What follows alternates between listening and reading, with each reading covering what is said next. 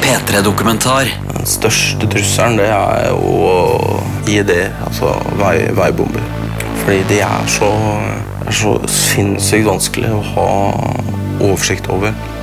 P3. Så fikk vi melding på nett på radioen at, eh, at det hadde gått Altså en bil da, var ramma av en veibombe.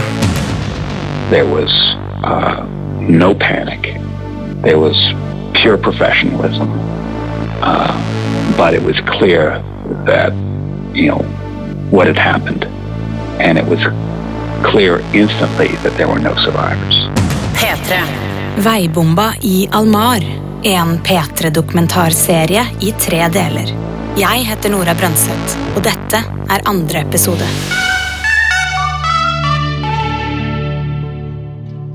Tenk deg at de du kjemper mot, de du mener er fienden, har totalt luftherredømme, de har de beste våpnene, de beste bilene og det beste utstyret. Og de er overlegne i strid. Hva gjør du da? Jo, du finner deres svakheter.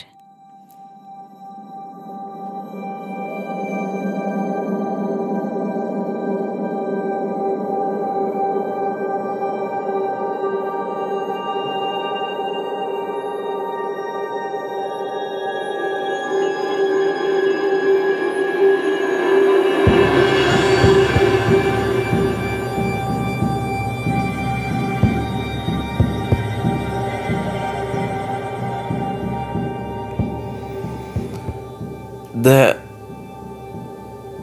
er jo veldig sammensatt. Det er det jo. Den største trusselen, det er jo Var jo eh, sånn som jeg opplevde det i det, altså vei, veibomber. Fordi de er så Det er så sinnssykt vanskelig å ha oversikt over. Og vi er så utrolig bundet til enkelte akser. Altså enkelte steder å kjøre, da.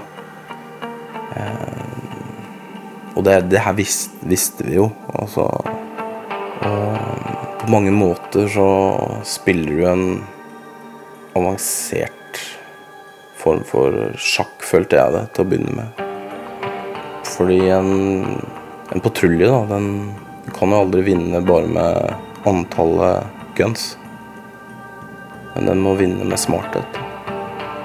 Den må vinne med at vi outsmarta fienden vår. Og det var jo Kristian en, en mester i. Dette er Kristian Yttebøll. Han er Afghanistan-veteran. Og hvis du har hørt episode én i denne podkastserien, har du forhåpentligvis fått med deg hvem han er. Hvis ikke kan jeg fortelle deg at Yttebøll har jobba som skarpskytter i Afghanistan. Og Christian, som han her snakker om, var han som du i episode én fikk høre at alltid var rolig i ekstreme situasjoner. Og Christian, han ble bare 31 år. Han var en av fire som døde da bilen han satt i kjørte over en veibombe i Afghanistan 27. juni 2010. Etter at vi gikk inn i Afghanistan etter terrorangrepet i USA 11. september 2001, har de norske styrkene vært med i flere harde trefninger. Men det er veibomber som har tatt flest liv. For å finne sånne eh, provisoriske eh, veibomber, så, så må du gå av bilen. Du må lete etter dem. Hva ser du etter da? Du ser jo etter det som eh, hva kaller vi da combat indicators. Da. Altså du, du ser etter noe som, noe som er annerledes. Da. Det er litt sånn vanskelig å beskrive, for eh, mange av oss var veldig erfarne etter hvert. Eh, og da kaller vi det også en intuisjon. Eh, eller en magefølelse. Ikke sant? At du, du kommer til et område La meg sammenligne med en sånn cowboyfilm, som de fleste sikkert har sett. Så når eh, disse to cowboyene med helten og skurken skal, skal gjøre opp, så, så kommer heltene inn i byen, da. Og så spilles jo den der eh, musikken, ikke sant. Og så er det, ser du ingen der. Ingen inne i byen. Du ser kanskje sist du ser et vindu som lukkes igjen. ikke sant? Kling, fort, og så eh, spillelsen der musikken, og så blåser støv, og så er det de her eh, Ville Vesten En slags sånn derre eh, buske som liksom blåser over veien, ikke sant. Det er litt den følelsen du får eh, jeg fikk noen ganger. Og da var min erfaring jeg var veldig ofte at da er det jo lurt å lytte til den. Ytterbøl var en god kollega og en god venn av Christian. Og selv har han vært i Afghanistan tre ganger. Der har han kjent på denne intuisjonen, denne magefølelsen om at noe ikke er som det skal. Han var ikke i Afghanistan da Christian døde, men det var Steven Smith. Hello? Hei, do you hear me? Yes, I do. I yeah, the phone just cuts off after half an hour, so I just called you back. Steven jobber for USAID, en bistandsorganisasjon som har jobba tett med det norske forsvaret. Og Stevens jobb det er å reise rundt i fattige områder i Afghanistan for å kartlegge mulighetene for utvikling i samarbeid med lokale myndigheter. So anyway, uh, yeah, about uh, you know route. Uh, Like før klokka åtte 26. juni 2010 er Steven og seks pansra biler klare til å kjøre ut av militærleiren i Maimane. I en av bilene sitter kystjegerne Christian Lian, han som alltid var så rolig, Andreas Eljarn, han som aldri klagde, og Simen Tokle, han omsorgsfulle. I bilen sitter også spesialsoldaten Trond Bolle, han som du i forrige episode fikk høre at hadde bestemt seg for at dette skulle bli hans siste opphold i Afghanistan. Soldatene er en del av de internasjonale styrkene som skal være med på å forhindre at Afghanistan er et fristed for internasjonal terrorisme. Og de skal være med på å bygge opp Afghanistan igjen, et land som har vært prega av krig og vanstyre.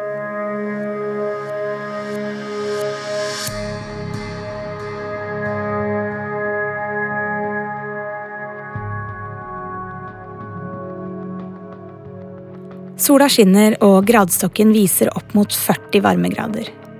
Bilene som står klare er lasta med ammunisjon, og sambandet er kontrollert. De skal inn i et svært fattig område hvor få vestlige soldater har vært. Her skal de kartlegge mulighetene for å forbedre veiene og for å bygge helsestasjon. Trond Bolle leder oppdraget, sammen med en annen. De har planlagt dette nøye. Det skal holde med én overnatting, mener de.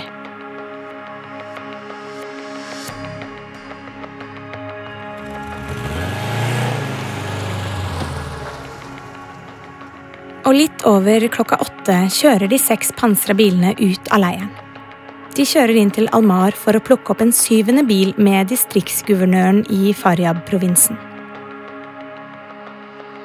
Så ruller de videre og setter kursen mot Galbala.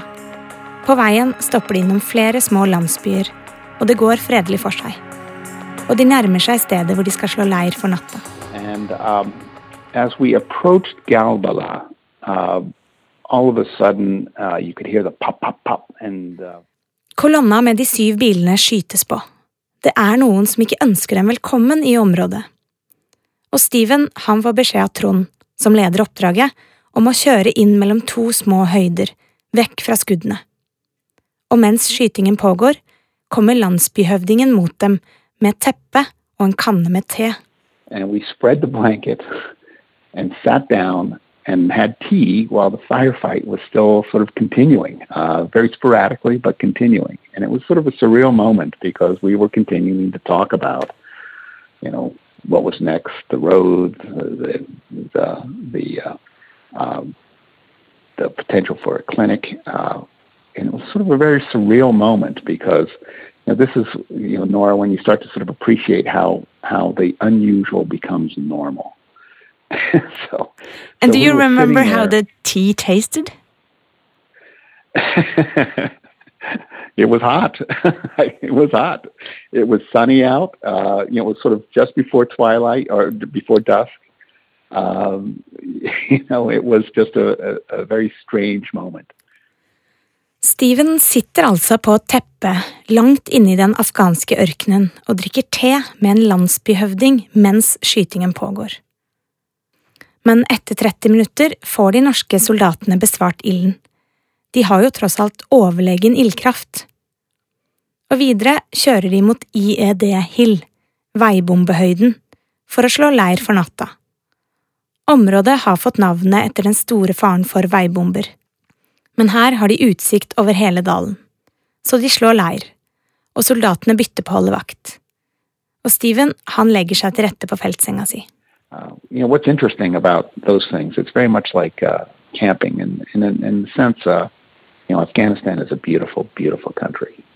and uh, you know, you're on top of a hill, and you have this beautiful vista of the valleys below, and the, the Afghan skies and the stars are just absolutely incredible. So you're sleeping outside, of course, with a bunch of soldiers who are there to protect you, which is nice, and you have this gorgeous view of the uh, the Afghan heavens above you. So it's it's really quite a uh, a nice uh, uh, a nice feeling.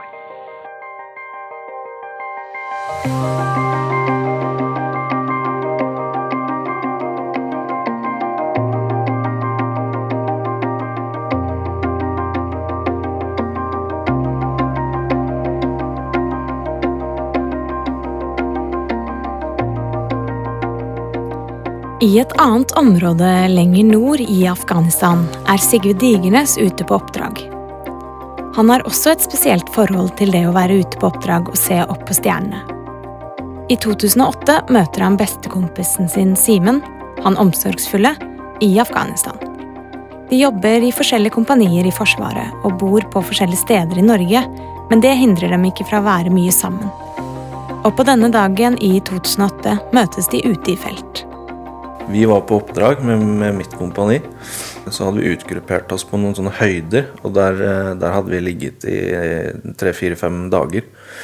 Så kom jo de, da, kystjegergruppa. De er jo mye færre. Eh, så de kom og, og stekte, stekte burgere på noen sånn gassbluss. For de eh, forholdt seg tydeligvis ikke til samme forsyningskjede som oss, med sånn kjedelig hermetisk militærmat. Så de hadde bare kjøpte seg et gassbluss i en landsby og stekte burgere. Og da Det var jo nesten litt romantisk, faktisk. Vi, vi satt da på en av stridsvognene våre, og de har et skrått panser foran. Um, så vi, ble, vi satt der og prata skit og mimra, og så ble det mørkt. Og så ble vi liggende på panseret og se på stjernene med, med nattkikkert. Så det, det, ble, det, ble, nesten litt uh, romantisk, faktisk.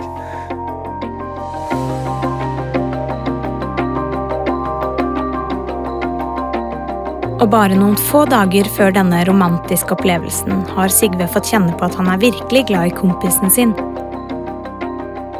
For mens Sigve og kompaniet hans er på vei tilbake til leiren i Marmane etter et oppdrag, får de vite at kystjegerne er i strid. Sigve og kompaniet setter opp farta for å kunne støtte. Men idet de nærmer seg, får de vite at alle gutta er tilbake i leiren og i god behold. Da fikk jeg vel liksom kjenne på at at jeg faktisk er glad i Simen. At ikke liksom, man er kompiser man henger rundt, man tenker ikke så mye over det. Men da kjente jeg på det, for da, da strena jeg rett til Dette var jo sent, sent på kvelden, midt på natta nesten. Så strena jeg rett til, eh, til messa. Eh, der vi spiser, da, som er stengt midt på natta. Men da hadde de åpna for kystjegerne. da. Så de fikk seg et pizzastykke og fikk liksom senka skuldrene etter en ganske heftig stridskontakt. Um, og da strena jeg rett bort dit. Um, og litt sånn uh, uten å tenke på om jeg får lov eller bør, så bare dura jeg inn i, inn i, i messa da, og fikk, uh, fikk gitt Simen en klem og, og liksom uh, ja, klapp på skulderen. Og så, vi, så gikk vi ut og satte oss i nattemørket og tok en sigg og prata om ja, det som hadde skjedd. da. Det var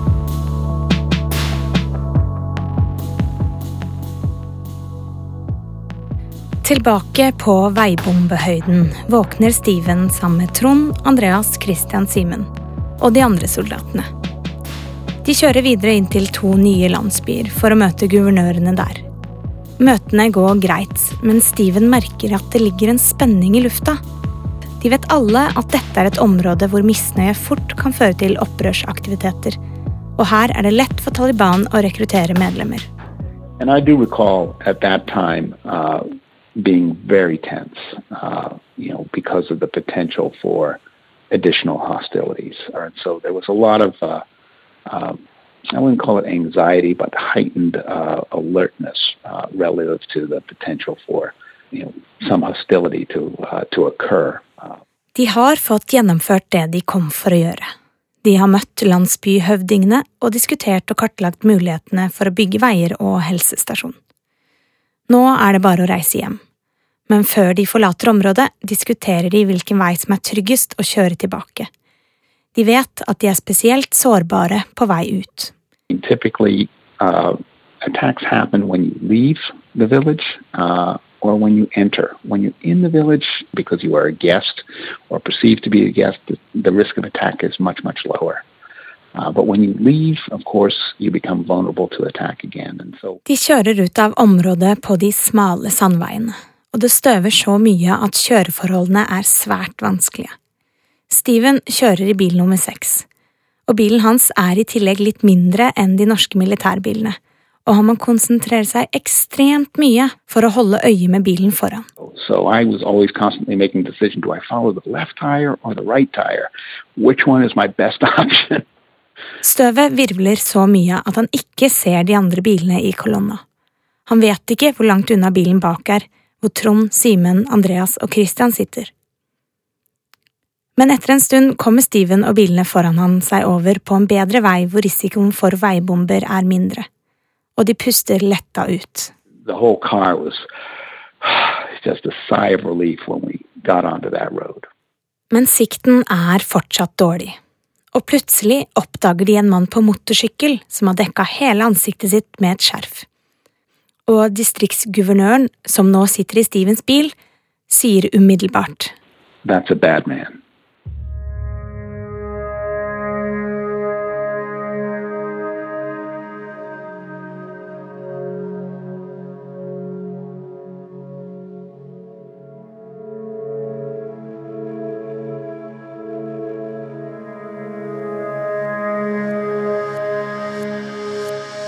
I den forreste bilen sitter han som leder oppdraget sammen med Trond. Han har også sett mannen på motorsykkel, og ber alle sjekke inn på samband. As you understand, I mean, we're traveling in a convoy and we can no longer see each other uh, because of the dust, and the radios are crackling back and forth, and you can hear the lead cars asking every vehicle to check in. And so we're engaged in that check in, and it's a continual kind of uh, call for vehicle number seven uh, that's not being answered.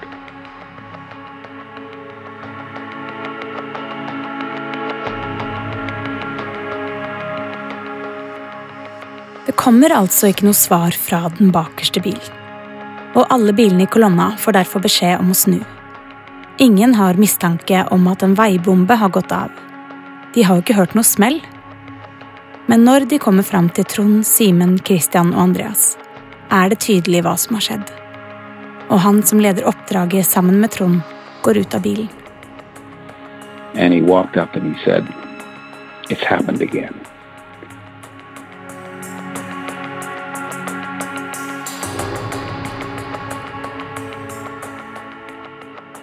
Han var også leder da Claes Joakim Olsson mista livet i en veibombe tidligere samme året. But his commentary was followed quickly by, "Here's what I need you to do." You know, uh, there was uh, no panic. There was pure professionalism, uh, but it was clear that you know what had happened, and it was clear instantly that there were no survivors.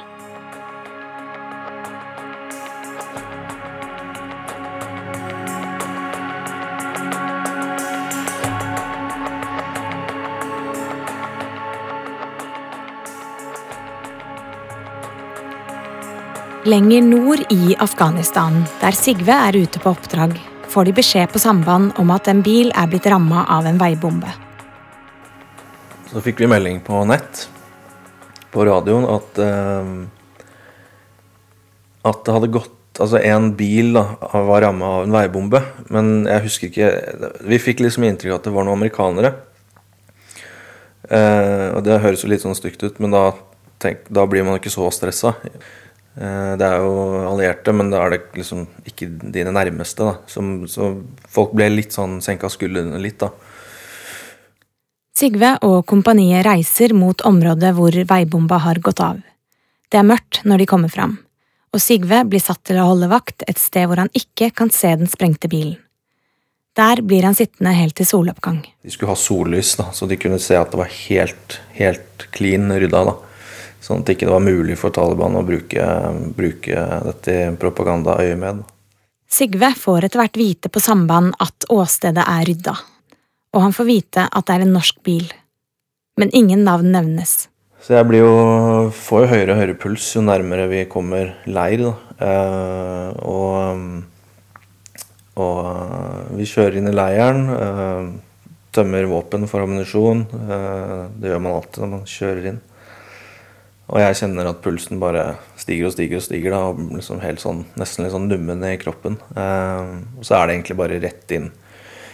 Rett ut av bilene. Alle bare samler seg, og sjefen vår da, han går opp på en benk og bare Ja, da, her er navnet, liksom. Uten noe føss, da. Så, så leste han opp eh, Simen og så de tre andre. Eh, og jeg begynner bare å gråte eh, med en gang. Helt sånn ukontrollert, liksom. Eh, altså, du kan tenke så mye du vil på det, og det er jo ting vi har tenkt på og øvd med tankene våre på tidligere. Eh, for det skal vi. Um, men når det skjer, så er det jo Det er jo helt forferdelig. Så jeg, ja, jeg begynner bare å hyllegråte og, og liksom eh, Vet jo ikke hva jeg skal gjøre av meg. Men to av gutta i kompaniet til Sigve har sneket seg opp ved siden av han. De vet hvilke navn som kommer. Og selv var de gode venner av Claes Joakim, han som døde av en veibombe i februar samme året, så de vet godt hvordan det er å miste en god venn. Så de hadde smyget seg eh, nærme. Så de, de sto på hver side av meg uten at jeg hadde tenkt over det. Når navnet ble lest opp, da. Ehm, så det var veldig det var, Jeg liksom kjenner på det i ettertid at det var innmari godt at de var der. For de var sånn De geleida meg bort til en benk jeg kunne sitte på. Og liksom, de bare var der, da. Eh, mens jeg satt og gråt. Ehm, så begynte jo gutta på vedlikehold og, og sånn, som man skal gjøre etter å ha vært ute på operasjoner. Og det var ingen som sa noe til meg, og det var innmari deilig. Det var bare jeg er sikker på jeg kjente liksom 60-70 sånne anerkjennende klapp på ryggen. Det var det, liksom. Og det var utrolig deilig. Det var ingen som Ja, jeg trengte ikke å forholde meg til at noen sa noe til meg. Jeg bare kjente at jeg ble, jeg ble på en måte anerkjent der jeg var, og så eh, Ja, slapp jeg å gjøre noe, gjøre noe greier. Og så etter å ha grått en stund, så så, så, blir, ja, så var det sånn Ja, hva, hva gjør jeg nå? Sa jeg da til, til eh, en av disse gutta som hadde fulgt meg opp litt. da Nei, nå må du, nå må du jobbe. Nå må du pusse våpenet ditt, liksom. Ehm, så da Og det, var- det var også igjen, da, eh, veldig sånn Det var bra. liksom, Jeg kjente at det var bra. Eh, Å slippe liksom Slippe å være, å være han det er synd på, liksom. Eh, men jeg kunne bare få bruke hendene, pusse våpen, rydde og ordne. Det var veldig deilig da, i den situasjonen.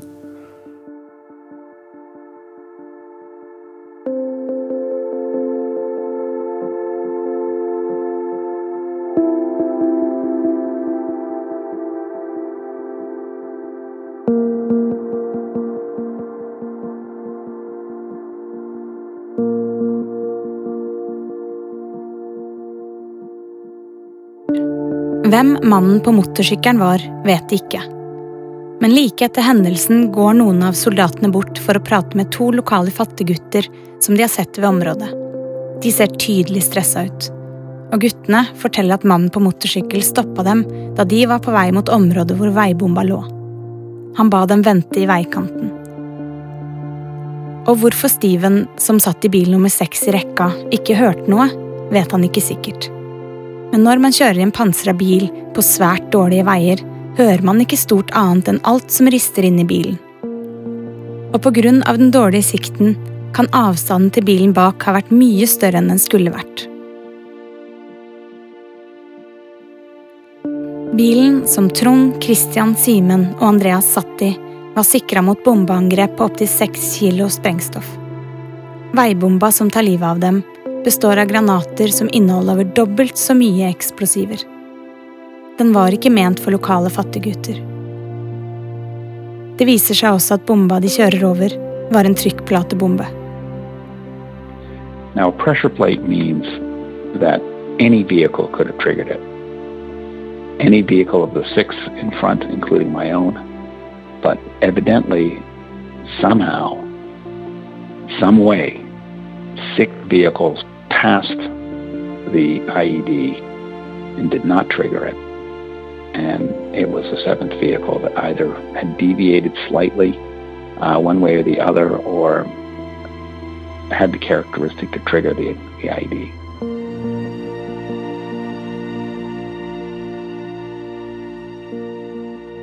På mange måter så spiller du en avansert form for sjakk, fordi en, en patrulje, da, den, den kan jo aldri vinne bare med antallet guns. Men den må vinne med smarthet. I neste episode skal du få høre mer om dette. Vi hadde feira bursdagen til dattera mi, eh, og jeg hadde en helt forferdelig magefølelse hele den dagen der. Og jeg hadde dårlig samvittighet for at ikke jeg bare kunne ta meg litt sammen, for det var tross alt eh, dattera mi sin fireårsdag. Går du inn med våpen i hånden i et land, så blir det trøbbel uansett. Altså, sånn er det bare. Og jeg har mange ganger tenkt at det har vært helt meningsløst. For der har vi ikke fått gjort noen ting av det vi skulle gjøre.